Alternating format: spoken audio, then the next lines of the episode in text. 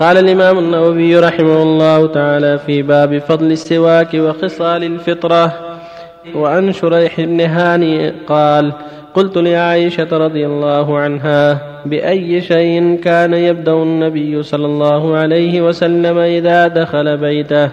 قالت بالسواك رواه مسلم.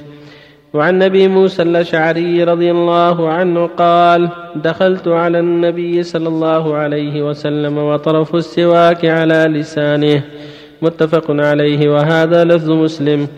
وعن عائشة رضي الله عنها أن النبي صلى الله عليه وسلم قال السواك مطهرة للفم مرضاة للرب. رواه مسلم. رواه النسائي وابن خزيمة. في صحيحه بأسانيد صحيحة. الحمد لله وصلى الله وسلم على رسول الله وآله وأصحابه ومن اهتدى بهداه. أما بعد فهذه الأحاديث لا تتعلق بالسواك. تقدم في السواك أحاديث أخرى كلها تدل على شرعية السواك. عند الوضوء وعند الصلاة وعند القيام من النوم. فيه نظافة للفم وتطيب للنكهة وتنشيط للعبد على العمل وطرد للنعاس. فوائده كثيرة. ولهذا قال عليه الصلاة والسلام السواك مطرات للفم مرضاة للرب. هو حديث صحيح رواه النسائي وابن خزيمة وغيرهما من حديث عائشة رضي الله عنها. وهذا عام يعم جميع الأوقات. وفي حديث أبي موسى أنه دخل النبي صلى الله عليه وسلم في مجلسه وطرف السواك على لسانه دل على أن يستاك في المجلس. عليه الصلاة والسلام. تقدم قوله صلى الله عليه وسلم لولا أن أشق على أمتي لأمرتهم بالسواك عند كل صلاة. وفي اللفظ الآخر مع كل وضوء. تقدم حديث حذيفة رضي الله عنه كان إذا قام من الليل يشوف صفاه بالسواك. تقول عائشة رضي الله عنها أنه إذا دخل المنزل بدأ بالسواك عليه الصلاة والسلام. تقدم أن قولها أن كنا نعد للرسول صلى الله عليه وسلم في الليل سواكه وطهوره. فإذا استيقظ قام فتوضأ واستاك.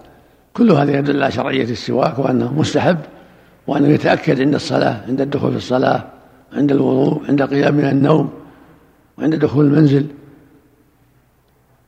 والسواك لا يتعين في عود معين لكن الأراك من أحسن الأعواد التي يستاك بها لطيب نكهته وحصول المطلوب به. وإذا تيسر أعواد أخرى يحصل بها المطلوب فلا بأس.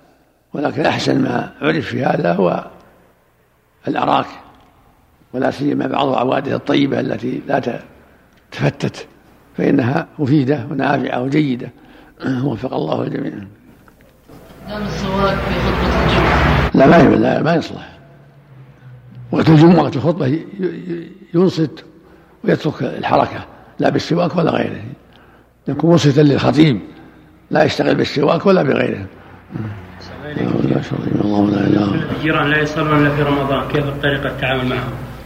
إذا كان له جيران لا يصلون إلا في رمضان أو في بعض الأوقات ينكر عليهم ويعلمهم ينصحهم فإن أبوا يرفع بأمره إلى الجهات المختصة الهيئة حتى تقوم بالواجب لكن بعد النصيحة وإذا تيسر يذهب إليهم مع بعض إخوانه لأن الواحد قد لا يبالون به لكن إذا كان جماعة اثنين ثلاثة يجتمعون يذهبون ينصحون قد يكون يعني عملهم أشد أثرا وأنفع. يشوف بعض إخوانه يذهب إليهم ينصحهم يوجههم يخوفهم من الله حتى يصلوا مع الناس. يقول النبي صلى الله عليه وسلم من سمع النداء فلم يأتي فلا صلاة له إلا من عذر. قول صلى الله عليه وسلم للأعمى لما استأذن له الأعمى. وليس له قائد يقوده إلى المسجد هل له من رخصة يصلي في بيته؟ فقال النبي هل تسمع النداء بالصلاة؟ قال نعم. قال فأجب. فالواجب على من يسمع النداء أن يجيب وأن يحضر مع المصلين وأن يصلي في المسجد مع الناس. ولا يجوز التخلف عن ذلك ولا التشبه بأعداء الله المنافقين. لكن من فعل ذلك فقد أعلن أعلن المعصية. لا بد ترفع بأمره إذا لم تنفع النصيحة. الله يصلح أحوال المسلمين جميعا. الله نعم.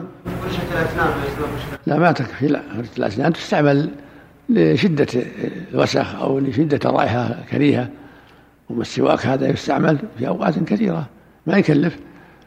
صلى الله عليك. حديث لا صلاة للجار مسجد المسجد استدل به شيخ لا هذا يروى عن علي رضي الله عنه غير صحيح عن النبي صلى الله عليه وسلم لكن الأحاديث الصحيحة كافية. الأحاديث الصحيحة كافية مغنيه عنه. الله الله إليك الله الحديث التي انتقدها الدار قطني على البخاري ومسلم صحيحة؟ لا بعضها بعضها القول فيها قول البخاري. الغالب من القول فيها قول البخاري رحمه الله. شرجم الله لا إله إلا هو القيوم لا تأخذه سنة ولا نوم السماوات من الذي يشفع ولا يعلم يعلم ولا يجهر ولا يحيط لما وسع كرسيه وكشف الله يعود في الحديث الصحيح ما من مكلوم إلا جاء يوم القيامة وكلمه يدمي. اللون لون الدم والريح ريح المسك. يشمه الناس كلهم يوم القيامة. كل من مر عليه. هذا من إظهار فضل الشهداء. قد يشم في الدنيا كما قال ابن القيم قد يشم في الدنيا لكن المقصود في الحديث الصحيح يوم القيامة. أحسن الله عليك نعم. لا يضر إذا كان ينشط على الفائدة والسمع لا بأس. أما الخطبة لا. أحسن الله عليك. حديث لا صلاة لمن سمع النداء ولم يلبي هنا لا صلاة كاملة ولا لا صلاة الصواب عند أهل العلم يعني صلاة كاملة. لأن الجماعة ما بشرط الصحة. واجبة لكن لو صلى بغير جماعة صحت مع الإثم.